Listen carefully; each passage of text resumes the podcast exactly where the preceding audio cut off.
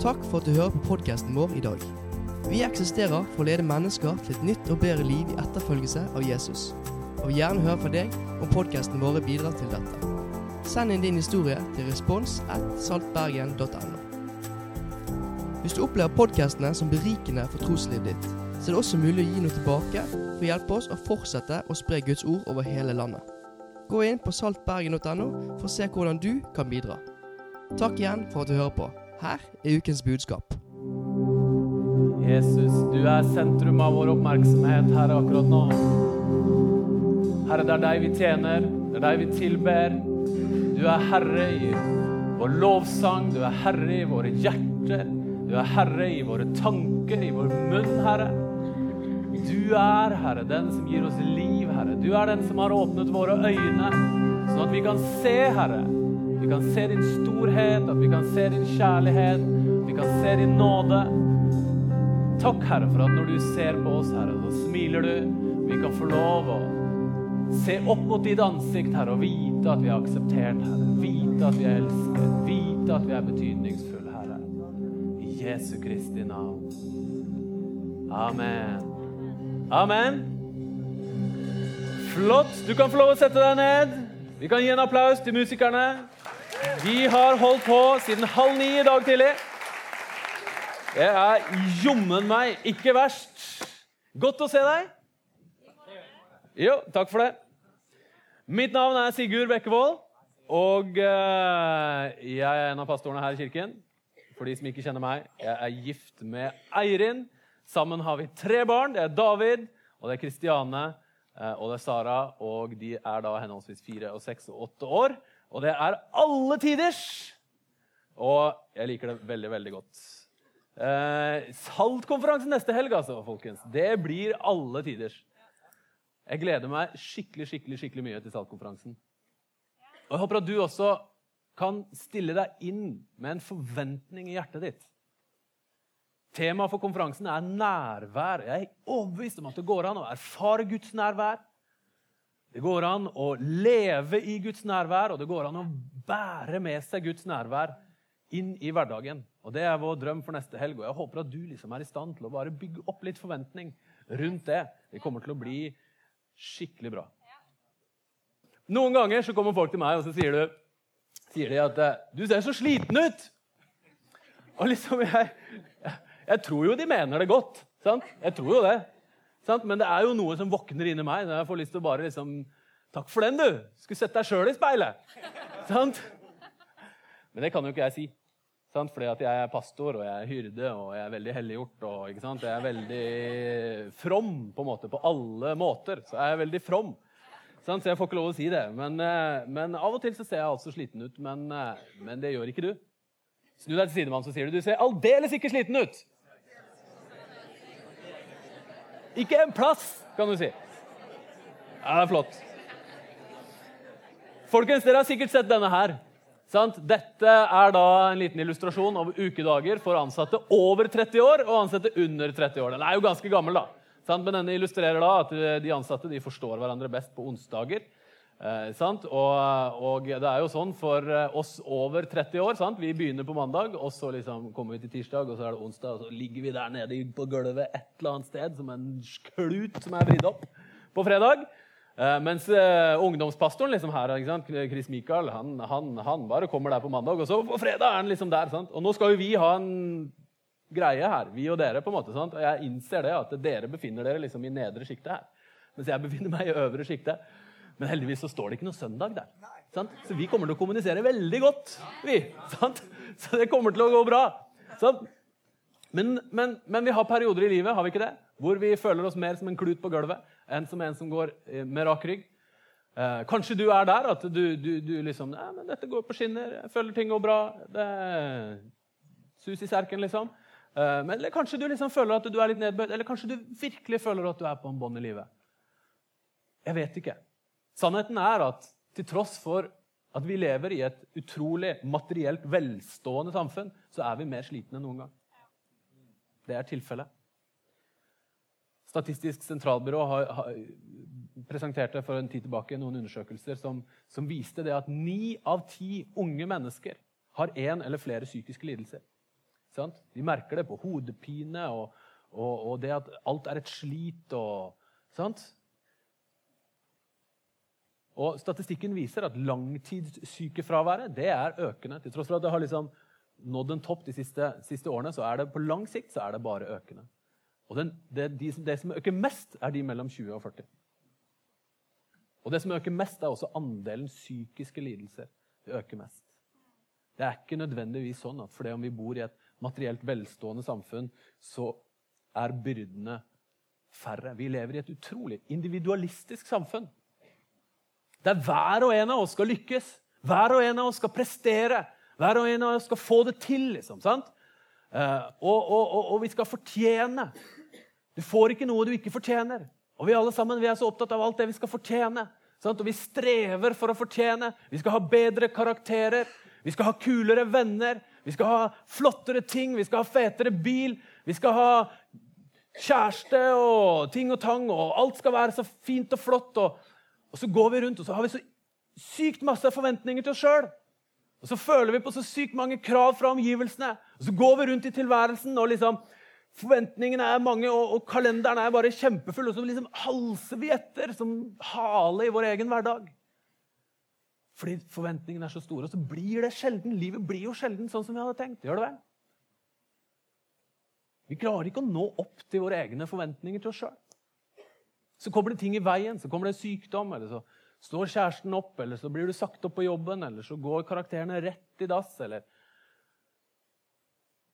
Så mange av oss går gjennom tilværelsen skuffa, full av tapsfølelse, en opplevelse av å gå på det ene nederlaget etter det andre. Så bærer vi på byrder, 1000 kilo i sekken av forventninger og byrder som vi bærer med oss. Det er ikke sånn at selv om vi har det bedre materielt sett enn noen gang, så er byrdene mindre. De er bare annerledes. Og På Jesus sin tid, så Da Jesus, Jesus ble født inn i et samfunn så, som, som, som var fullt av byrder Da var også byrdene mange, selv om de var annerledes. Det samfunnet Jesus ble født inn i, det var et samfunn der der jødene og israelittene ble undertrykt av, politisk av, av romerne. De la masse økonomiske byrder på folk, og, og det var liksom høye skatter og avgifter. og eh, og, og, det var strenge straffer, og det var skikkelig sånn der med opprørspoliti, og de hengte folk, og det var saker og ting. liksom, Store byrder. Og, og som om ikke det var nok, så var det masse religiøse byrder som ble lagt på folk. Det var en sånn religiøs elite av folk som, som liksom bare hadde masse regler som folk måtte følge. Hvis ikke så fikk de strengere straffer. Og det var liksom, De måtte ofre, og de måtte faste, og de måtte be, og de måtte ditt og de måtte datt. Og så skulle de ikke det, men de skulle det, og så skulle de ikke det. Og så var det regler for hver minste lille ting av hverdagslivet. Og det var store byrder som folk måtte bære. Og på Jesus sin tid så, så, så gikk de og lengta etter noen som kunne løfte byrdene av. Det var lovt en Messias, en som skulle redde dem. Og folk gikk og lengta etter noen som kunne utfri dem og, og løfte byrdene av og forløse dem. Hvem er det som kan redde oss? Og så kom Jesus. Og Jeg vet ikke hvilke byrder som du bærer med deg til gudstjeneste i dag, eller hva du strever med nå om dagen, eller hva du føler at du må prestere eller fortjene. Men jeg vet at Jesus er svaret. Jeg vet at han kom for å løfte byrder av. Han har kommet for å løfte dine og mine byrder av. Og nå er vi på den siste søndagen i serien om perspektiv. Og Tittelen min i dag det er 'Perspektiv på Jesus'. For Jesus han inviterer oss hele tiden nærmere. Og jeg tror at når vi får perspektiv på Jesus, når vi ser han, og hvem han er, og hvorfor han kom, og hva det er betyr for oss, så tror jeg at byrdene kan bli løftet av. Og jeg tror at vi kan gå inn i framtiden og inn i hverdagen med fred og med håp og med liv og framtidstro og med rak rygg istedenfor som en klut, liksom. En oppvridd fille på gulvet. Det er min overbevisning. Da Jesus møtte de første etterfølgerne sine, de første disiplene Disippel det er jo liksom et annet ord for elev. Eh, da han møtte de, det som skulle liksom bli teamet hans, så, så visste de jo ingenting om hvem Jesus var. De ante ikke, hadde ikke peiling på Jesus. Eh, og det er ganske artig å lese eh, hvordan det var, gikk til liksom, når, når, eh, Jesus møtte noen av de første disiplene. Vi, vi leser fra Johannes evangelium, kapittel 1, og vers 35 og utover. Dagen etter sto Johannes der igjen sammen med to av disiplene sine. Da Jesus kom gående, så Johannes på han og sa, 'Se, Guds lam!' De to disiplene hørte hva han sa, og fulgte etter Jesus. Jesus snudde seg og så at de fulgte ham. Og han sa, 'Hva leter dere etter?' De svarte, 'Rabbi, hvor bor du?' Rabbi betyr lærer. 'Kom og se', sa Jesus. De gikk da med han og så hvor han bodde, og de ble hos han den dagen. Det var omkring den tiende time. Andreas, Simon Peters bror, var også en av de to som hadde hørt det, var en av de to som hadde hørt det Johannes sa, og som hadde fulgt etter Jesus. Han fant nå først sin bror Simon og sa til han, 'Vi har funnet Messias.' Messias betyr den salvede. Så førte han Simon til Jesus. Jesus så på han og sa, 'Du er Simon, sønn av Johannes. Du skal hete Kefas.' Det er det samme som Peter. Dagen etter ville Jesus dra til Galilea. Da fant han Philip og sa til han, 'Følg meg.' Philip var fra Betsaida, den byen Peter og Andreas var fra. Philip traff Natanael og sa til han, 'Vi har funnet han som Moses har skrevet om i loven.' og som også profetene har skrevet om. Det er Jesus fra Nasaret, Josefs sønn. Kan det komme noe godt fra Nasaret? sa Nathanael. Philip svarte, kom og se. Jeg vet ikke om du ser hva som skjer her. Men her har vi altså Andreas og kompisen, eh, og de finner Jesus. Jesus inviterer dem. 'Kom og se', sier han. Eh, og Så finner Andreas broren Simon Peter og så sier han, 'Vi har funnet Messias'. Og gutta sant, de var jo helt vanlige mennesker. De var fiskere. liksom. De hadde akkurat kommet inn på fiskelinja på en måte. På University of Galilee. Akkurat som deg og meg. Helt vanlige folk. sant? Helt vanlige folk. Og så er det Philip, han er med i gjengen. Han blir invitert, og han finner Nathanael og, og sier vi har funnet Messias. Og Nathanael han er liksom, som noen av oss, han er litt sånn skeptisk. på en måte. Kan det komme noe godt, sier han sarkastisk, fra Nasaret? Mener du virkelig det? Ute i bygdeland? Eh, og så sier Peter, nei, kom og se. sier han. Kom og se. Og så kommer de, og så bruker de tid sammen med Jesus. Så setter de seg ned med han. De blir invitert hjem til han. Så setter de seg ned med han. Så preiker de, bruker en ettermiddag, og så hører de hva han sier. og Forstår mer om hvem han er. og Får et klarere bilde. De er nær Jesus. Og Den første invitasjonen fra Jesus det er 'kom og se'. Vi kan lese flere ganger i denne teksten. Kom og se. Og Det er en invitasjon til å oppdage.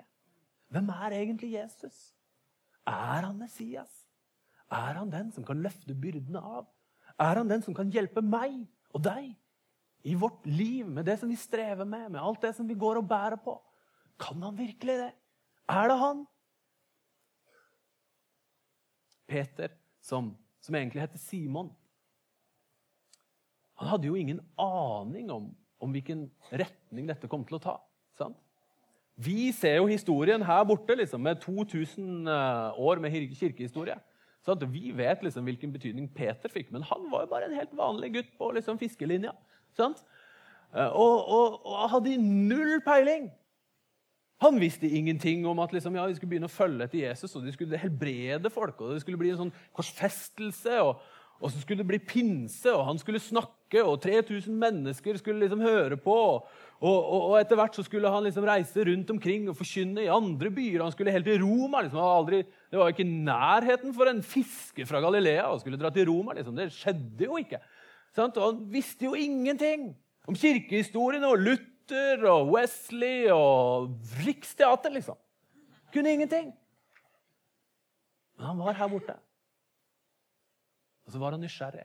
Det er utrolig viktig for oss i denne kirken her og si det at vet du hva, i denne kirken her, det vi drømmer om, det er å kunne være et sånt sted.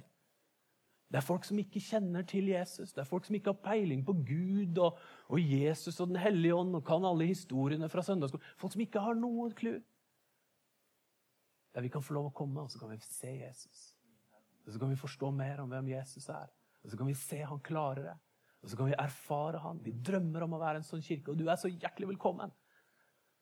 Dette er et sted der du kan få lov å oppdage, komme nærmere, forstå mer, se mer, få et tydeligere bilde. Hvem er egentlig Jesus? Kom nærmere. Still inn fokus. Få et tydeligere bilde av hvem Jesus er. Vet du hva? Når du er på avstand, så er det akkurat som om måte, du, ser, du, ser, bare kontur, konturene av noe. Men når du kommer nærmere, så ser du mer om Jesus. Du ser at han er god. Du ser at han er nådig. Du ser at han er kjærlig. Du ser at han vil deg vel. Han er ikke ute etter å dømme deg, han er ute etter å hjelpe deg. Sakte, men sikkert så trer bildet av Jesus klarere og tydeligere fram. Og etter hvert så se, kan vi se inn i hans ansikt. Så kan vi se hans godhet til oss. Så kan vi se invitasjonen. Og Kanskje etter hvert så begynner vi å forstå vet du hva, dette er relevant for meg. Han tok faktisk på seg alt det som skilte meg fra Gud. Alt det som holdt meg på avstand fra Gud. Alt det, min synd, min skyld, min skam, alt det som jeg går og bærer på, som er så vondt og vanskelig, og som jeg føler skiller meg fra Gud. Han tok det på seg, og så bar han det opp på korset. Og så døde han, og så døde alt det som skiller deg fra Gud. Det døde sammen med han der. Og vet du hva? Nå er det ingenting som skiller deg fra Gud. Veien er åpen. Når vi ser Jesus Kristus klart, så ser vi korset. Så ser vi en Gud som elsker, og som strekker seg ut og inviterer deg nærmere og sier, 'Kom, kom, kom og se. Kom og forstå.' Jesus inviterer oss alltid nærmere. Og jeg tror at det å få perspektiv det handler først og fremst om å se Jesus.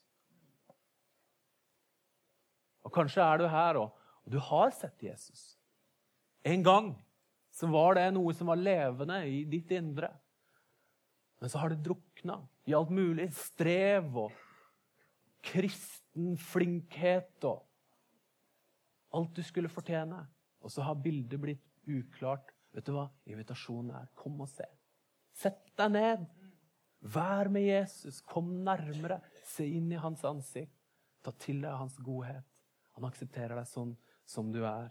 Og vet du hva? Jo nærmere vi kommer, jo klarere ser vi han, jo mer forstår vi av den veien vi har foran oss, og den sannheten han har for oss, og det livet som vi kan komme inn i. Kom og se. Simon Peter og Andreas og Philip og Nathanael og de andre de slår følge med Jesus. Så reiser de med han rundt. sant? Eh, og, og de, Flere følger med, og de blir liksom en sånn omreisende gjeng. da, En sånn team av folk som reiser rundt og forkynner om Guds godhet. og De forkynner at himmelens rike er kommet nær, og de ber for folk og, og de helbreder folk. og Etter hvert liksom som, de, som, som, som, ting skjer, da, det er jo en tre år lang periode de er sammen, sant? så forstår de mer om hvem Jesus er. Og jeg vet ikke om du klarer å sette deg inn i skoene til Peter. Nå skal vi snakke litt om Peter her i dag. Peter han er en fascinerende type. Peter han er liksom ledertypen blant disse disiplene. Sant? Han er liksom den som er høyrøsta og skråsikker og liksom snakker først og svarer først og bruker store ord. og er liksom Litt sånn som en bergenser. sant? Vi liker å si det vi på en måte, i denne kirken, at eh, Peter han er litt sånn som oss bergensere. på en måte, sant? Men jeg tenker jo det at, eh, at jeg tenker jo det at eh, Peter han var liksom som de fleste kristne ledere er egentlig. sant? Og så, og så skal han liksom begynne å følge Jesus. sant? Og så, og så er han med når Jesus gjør sitt første mirakel. Sant? Jesus han, han er jo i et bryllup, og så gjør han vann til vin. Han forvandler vann til vin. Det er jo ganske stilig. da, Det er jo ganske kult, det er ganske oppsiktsvekkende. liksom. Jesus sa liksom 'kom og se', og gutta, det er bare 'kom og smak'. sant? Det, sant? det er jo kjempekult. Og så, og så liksom tenker Peter ja, stilig. Og så, og så har svigermoren hans blitt sjuk, så han vil invitere Jesus hjem liksom, sant? til svigermor. Eh, og, og, og svigermor har feber, og Peter tenker liksom, nå skal Jesus få noe å bryne seg på. Nå vet ikke dere så fryktelig mye om svigermødre her inne. sant? Men jeg kan informere deg om det, at svigermødre er viktig. Det er kjempeviktig. Sant? Altså, La meg litt, gjøre litt sånn reklame for svigermødre. Det er bra Det er bra å få seg en svigermor. Folkens, Det trenger vi å høre her på Salt 19. Det er bra å få seg en svigermor, for det betyr at du får deg kjæreste eller noe greier. Det følger liksom med på kjøpet liksom, når du leter etter en svigermor. Så følger det med noe. Sant? Og det er bra for dere. Det er bra for dere å tenke at liksom, nei, må ha med en svigermor. Sant? Og så ikke gå for en hvilken som helst svigermor. Ikke bare, ikke bare, gå ut og leite etter en svigermor. liksom? For eh, når du ser på svigermor, så ser du litt om hvordan framtiden din blir. sant? Så, så vær litt sånn Oi, oi, oi. Ja, det, er skurrer, det, er noe som skurrer her. Det er lydteknikeren som prøver å si at det er noe som skurrer.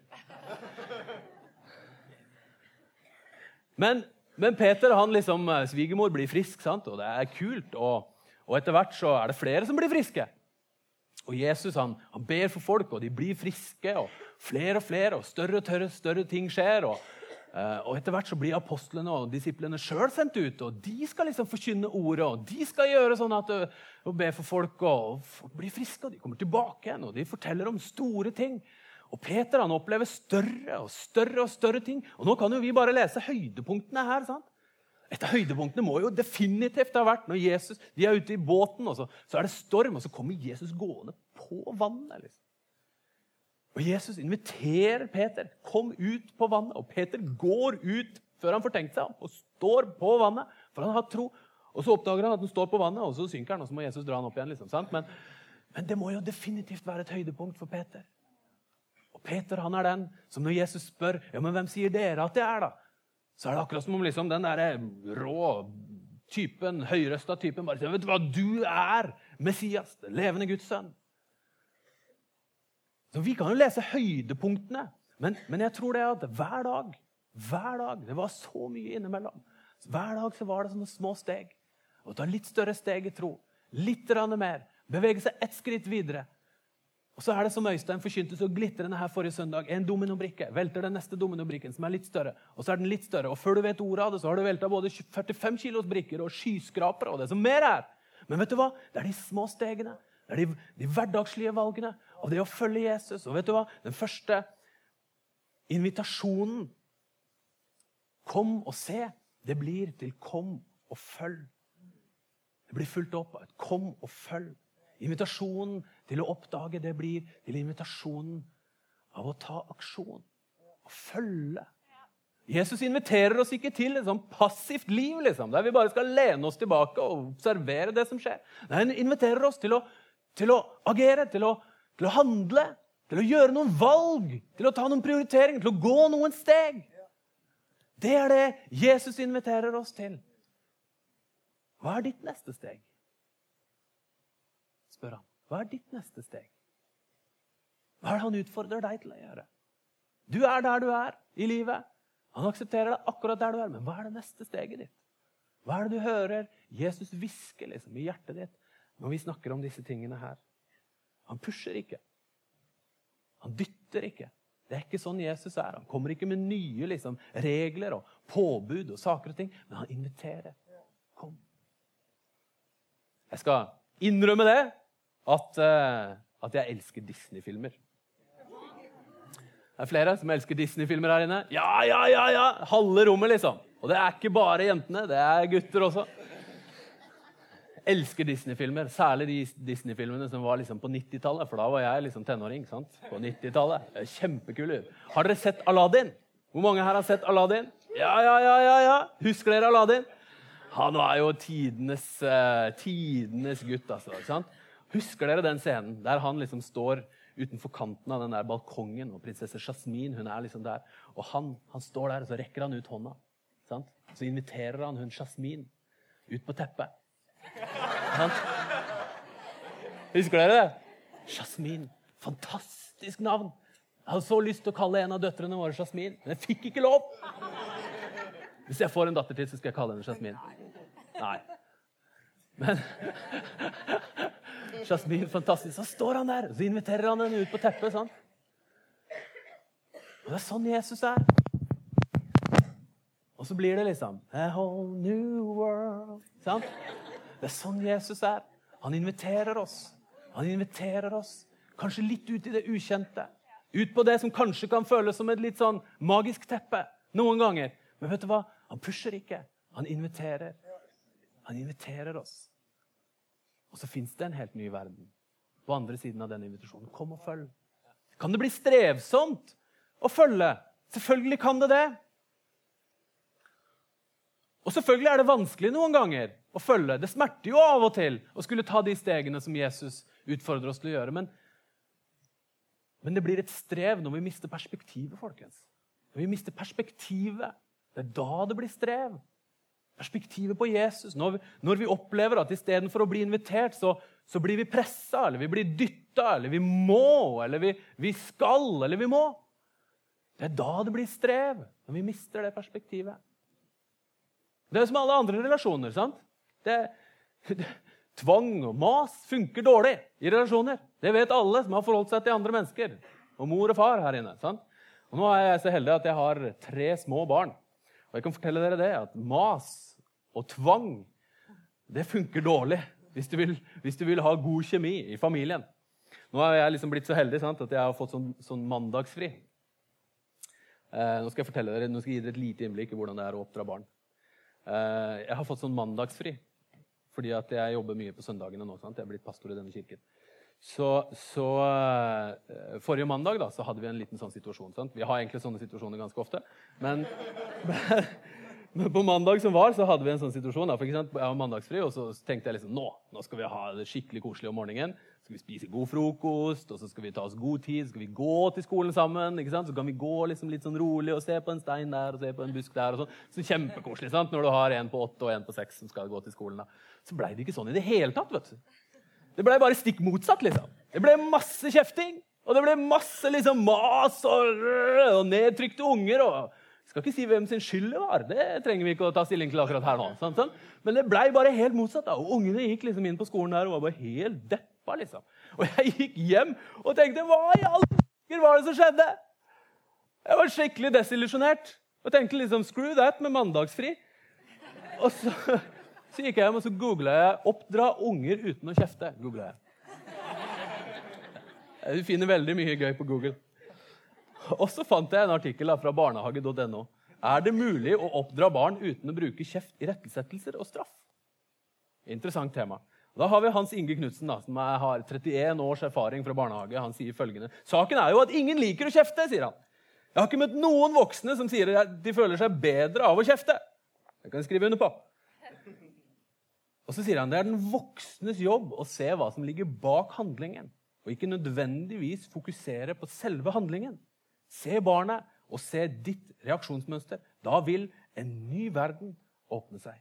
Og Jesus, han ser Peter. Du er Simon, sier han, sønn av Johannes. Du skal hete Kefas. Jesus ser Peter, og han forstår hvor han kommer fra.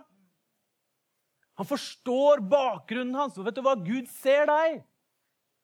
Og han ser hvor du kommer fra. Og han ser din historie. Og han ser de byrdene du bærer. Og han ser hva du strever med i livet. Han ser det. Han ser deg. Men vet du hva? Så sier han også, han kaller deg til noe nytt. Han sier også at din fortid det skal ikke være din framtid. Du skal få en ny identitet. Du skal få et nytt navn. Det skal bli noe nytt. Det som var, er ikke det som kommer. Du var Simon. Du er ikke lenger Simon. Du er Peter. Kom og følg. Du er ikke lenger den deprimerte og angstfylte. Vet du hva? Du er den fredfylte og glade. Kom og følg. Du er ikke lenger den mismodige og nedtrykte. Du er den som er full av håp og tro. Kom og følg. Du er ikke lenger den som er oppjaga og stressa og halser etter tilværelsen. Du har hodet i tilværelsen. Du bærer med deg fred i tilværelsen. Kom og følg. Du er ikke lenger den som lider nederlag hele tiden. Du er den som har seier i Han. Kom og følg. Og Jesus inviterer oss nærmere. Han inviterer oss til å følge. Og vet du hva? Han kaller oss med navn. Han sier Sigurd, Olav, Øystein. Gjermund. Han kaller oss ved navn. Så kjenner han oss, og så leder han oss ett steg om gangen i å følge. Så kan vi få lov å velte større og større dominobrikker. Men vet du hva? det er tillit til han. Vi kan følge han. Kom og følg. Hva er neste steg for deg? Peter følger Jesus, og Sant? Han er jo ledertypen, den høyrøsta typen. Sky is the limit for Peter. Han er på en måte evig optimist og tidsoptimist. Og tenker med Jesus så kan vi fikse alt, tenker han. Men så svikter han når det gjelder som mest. Da Jesus blir arrestert og soldatene kommer for å hente ham, så ender det med at eh, Peter og alle de andre disiplene de bare flykter. Peter han følger med på avstand, og så, så følger han med inn i bakgården der, hvor Jesus skal stilles for retten. Og når Jesus stilles for retten, så er han der i bakgården, og så er det noen som, som ser han, og liksom, er, er ikke du han som fulgte med Jesus? Men, men Peter blånekter. Nei, sier han. Og han til og med banner etter hvert. Tre ganger blånekter han. Og han til og med banner på at han ikke kjenner Jesus. Og etter den tredje gangen så galer hanen, og, og Peter han, han, skjønner. Han innser sitt eget svik. Størrelsen av sitt eget svik. Og det bare, han bryter bare sammen. Begynner å gråte og går vekk. Og så dør Jesus. Og Noen dager etterpå, så, etter at Jesus har stått opp igjen og han har vist seg for disiplene flere ganger, så, så møter han disiplene. Han møter Peter og Nathanael og Andreas og de andre på en strand i Galilea. Gutta har vært ute og fiska om natten. Så kommer de opp på stranda, og der er Jesus, og så har de et måltid sammen. og så forteller Jesus hvem han, så ser de at det er Jesus som de er sammen med. Og etter en stund så tar Jesus Peter til side. og så så har de en samtale, så spør Jesus Elsker du meg? spør han. Det er jo bare som å trykke ned i det såreste av det såre for Peter. Det var jo akkurat det. Og så har de en samtale der som er full av smerte. Men som også er full av, av gjenopprettelse, av kjærlighet og av vennskap. Og Peter sier, 'Herre, du vet at jeg har deg kjær.' Og så er det der Peter får det store oppdraget av å lede flokken videre når Jesus skal dra. Jeg har så lyst til å lese det sammen med dere. Vi finner det på slutten av Johannes evangelium, der vi begynte. Kapittel 21, vers 17. Så sier han, altså Jesus, for tredje gang, Simon, sønn av Johannes, har du meg kjær? Peter ble bedrøvet over at Jesus for tredje gang spurte om han hadde han kjær. Og han sa, 'Herre, du vet alt. Du vet at jeg har deg kjær.' Jesus sier til ham, 'Fø sauene mine.' Sannelig, sannelig, sier jeg deg, da du var ung, bandt du beltet om deg og gikk dit du selv ville. Men når du blir gammel, skal du strekke ut hendene dine, og en annen skal binde beltet om deg og føre deg dit du ikke vil. Dette sa han for å gi til kjenne hva slags død han skulle ære Gud med. Da han hadde sagt dette, sa han til Peter, følg meg. Det var ikke mye igjen av, av den høyrøsta Peter. Den selvsikre Peter med store ord. Peter hadde møtt sin egen begrensning. Han hadde møtt bare bunnen. Han hadde møtt enden av seg sjøl. Men vet du hva? Det var akkurat der Jesus ville ha ham.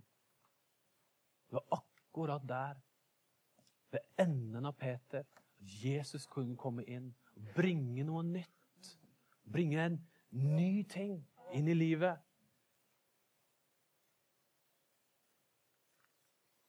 Kom og se hadde blitt til kom og følg. Og nå var det blitt til kom og gi slipp. Gi slipp på ditt eget. Gi slipp på det at du skal fikse det sjøl. Gi slipp på alt du skal få til. Det er en invitasjon til å oppgi, til å kapitulere. Og Nå er det kanskje ikke oss forunt å, å gi livet fysisk, men, men, vi alle sammen er invitert og kalt til å, til å miste vårt eget liv for å finne det. Jesus han sier det på denne måten. Den som finner sitt liv, skal miste det. Men den som mister sitt liv for min skyld, skal finne det. Hva er det du holder fast på i ditt liv? Det er når vi er ved enden av oss sjøl, folkens, at Gud kan komme og fylle oss med sin kraft. Lengter du etter Guds kraft i ditt liv? Gi slipp. Gi slipp. Gi slipp på fornærmelse. Gi slipp på bitterhet. Gi slipp på selvmedlidenhet. Gi slipp på selvopptatthet. Gi slipp på bitterheten. Gi slipp på det stadige jaget etter mer. Mer penger, mer karriere. Gi slipp på stoltheten. Gi slipp på sammenligningen. Gi slipp på det perfekte. Det at du skal fikse alt og klare alt. Alle menneskene du skal please, og alle forventningene du skal fylle. Gi slipp. Og vet du hva? Du vil oppdage at du får så ufattelig mye mer. Bare 50 dager etterpå så står Peter Han blir fylt av Den hellige ånd på pinsedagen. Så står han der, han som ikke han som i en bakgård ikke ville turte å vedkjenne seg Jesus. Han står midt på torget foran tusenvis av mennesker. Så forkynner han om Jesus, og om frelse og om omvendelse.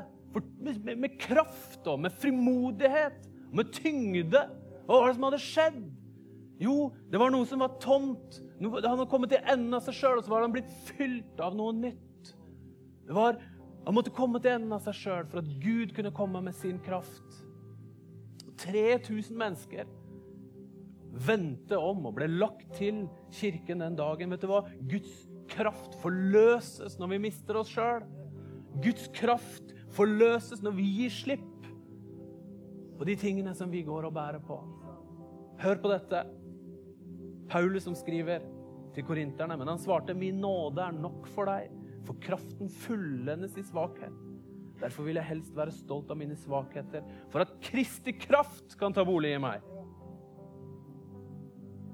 Brevet til hebreerne. Derfor, når vi har så stor en sky av vitner omkring oss, så la oss legge av alt som tynger, og synden som så lett fanger oss inn. Og med utholdenhet fullføre det løpet som ligger foran oss, med blikket festa på Han som er troens opphavsmann og fullender, Jesus, for å få den gleden han hadde i vente, holdt han ut på korset uten å bry seg om skammen. Og nå har han satt seg på høyre side av Guds trone. Ja, tenk på han som holdt ut en slik motstand for syndere, så dere ikke blir trette og motløse. Kanskje du føler deg trett. Kanskje du føler deg motløs. Kanskje er det krevende å stå opp om morgenen, men vet du hva? Få perspektiv. Fest blikket på Jesus. Se nærmere. Still inn fokus.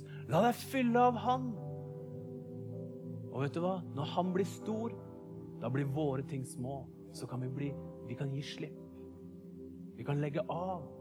Hva er det han sier her? Jo, hva er det vi kan legge av? Vi kan legge av alt som tynger. Det er en ganske bred definisjon, folkens. Det som tynger. Du kjenner ditt liv. Du vet hva som tynger. Er det karrierepress? Er det karakterpress?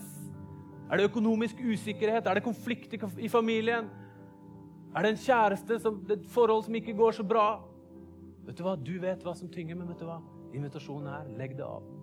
Det høres nesten litt for enkelt ut, vet du, men, men legg det av. Og synden som henger så fast ved oss Det henger så fast ved oss. Jeg trenger ikke å overbevise deg liksom, om, om hva du har av synd i ditt liv. Det tror jeg du vet smertelig godt sjøl. Jeg vet hva jeg har å kjempe med i mitt liv stolthet, sammenligning. Det å skulle fikse ting sjøl. Det å skulle vise meg fram. Vet du hva? Legg det av. Det henger så fast ved oss. Men vi kan få lov å legge det av. Legg av det som er så vanskelig å tilgi. Gi slipp på det som er så vanskelig å tilgi. Det er invitasjonen. Og når vi gir slipp, vet du, hva vet du hva som skjer? Da stiller vi oss på en plass der Den hellige ånd kan nå oss. Det er ikke noe vi får til, liksom. Men vi kan få lov å stille oss på en plass. Og når, når, når vi gir slipp på saker og ting i vårt liv, så åpnes det opp et rom for Den hellige ånd til å komme inn og gjøre sine ting. Og da blir verden så ufattelig mye større. Det er et liv i ånden. Og nå har vi saltkonferanse neste helg. Og Jeg har snakket litt om det i dag, men jeg er overbevist om det. At vi, når vi får perspektiv på Jesus, når han blir stor, når vi ser han, når vi kommer nærmere han, når vi følger han og gir han større plass i livet vårt, da blir vi mindre. Og så kan Guds kraft forløses i våre liv. Skal vi reise oss sammen, dere?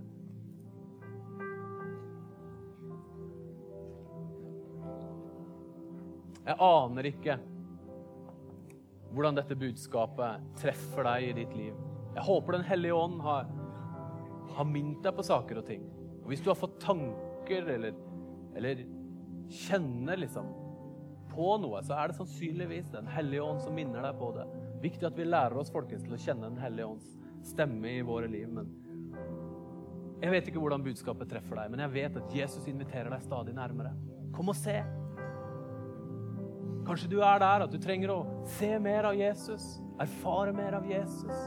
Se hvem han er, få et klarere blikk på han. Invitasjonen er der. Kom og se. Kom og følg. Hva er det neste steget? Han inviterer. Ikke ut av tvang, ikke ut av å dytte og presse, men han inviterer. Kom og følg, og kom og gi slipp. Kom og gi slipp på saker og ting i livet. Og vi skal gjøre det mot slutten her. at vi skal, jeg, vil gjerne be en bønn for deg. Hvis du kjenner at dette budskapet her har truffet noe i ditt liv, og du kjenner på en lengsel etter å, å gi slipp Kanskje Gud har talt til deg om en konkret situasjon eller en konkret ting i livet ditt, eller noe du går og bærer på, en byrde som du har på vei inn i denne høsten og på vei inn i den tiden som kommer. Jeg har lyst til å be en bønn om at du bare skal få lov å gi slipp. Hvis du har lyst til å bli inkludert i den bønnen, så, så strekker du bare en hånd i været. Akkurat der hvor du står. Det hender over hele linja her, folkens. Herre, jeg takker deg takker deg for Hellige Ånd, for at det er du som overbeviser oss, Herre, om saker og ting Herre, som vi har i våre liv. Og Far i himmelen, vi er så ufattelig takknemlige for at du ser oss, og du elsker oss, og du inviterer oss. Jesus, du inviterer oss nærmere, Herre. Takk for at vi kan se deg, og takk for at vi kan se din godhet. Du dytter ikke, du pusher ikke, men du inviterer. Be for alle mine venner her inne, Herre. Herre, vi gir slipp, Herre. Vi gir slipp, Herre, på utilgivelighet. Vi gir slipp, Herre, på fornærmelse. Vi gir slipp på bitterhet. Vi gir slipp på vårt eget. Vi gir slipp på selvopptattheten. Vi gir slipp på bare det å være så store i våre egne liv. Vi gir slipp på sammenligningen og konkurransen, Herre. Jeg ber for alle her inne, Herre. At vi skal kunne gi slipp, Jesus. Be, Far, om at du skal forløse din kraft, Herre. Herre, i de dagene som kommer, Herre, og inn i den helgen vi har foran oss neste helg, Herre. Bare forløs din kraft, Herre. Herre, det er vår bønn, Herre, at når det er min, mindre av oss, Herre Det er vår bønn. Mindre av oss og mer av deg, Herre. Vi lengter etter å se deg. Vi lengter etter å se deg større i våre liv, Herre. Vi søker ditt rike, Herre. Ikke vårt rike. Herre, vi, gjør, vi, vi, ønsker at ditt navn skal være stort, Herre, ikke vårt navn. Vi søker din vilje, Herre, ikke vår vilje. Vår bønn, Herre, det er at ditt rike skal bli stort. At vi skal få lov å være dine hender og føtter ute i en verden som lengter etter deg, Herre. At vi skal få lov, Herre, å gi din godhet, Herre. Men da må det være mindre av oss, Herre, og mer av deg. Og det er vår bønn og vårt rop og vår lengsel, Herre. Jesu Kristi navn. Jesu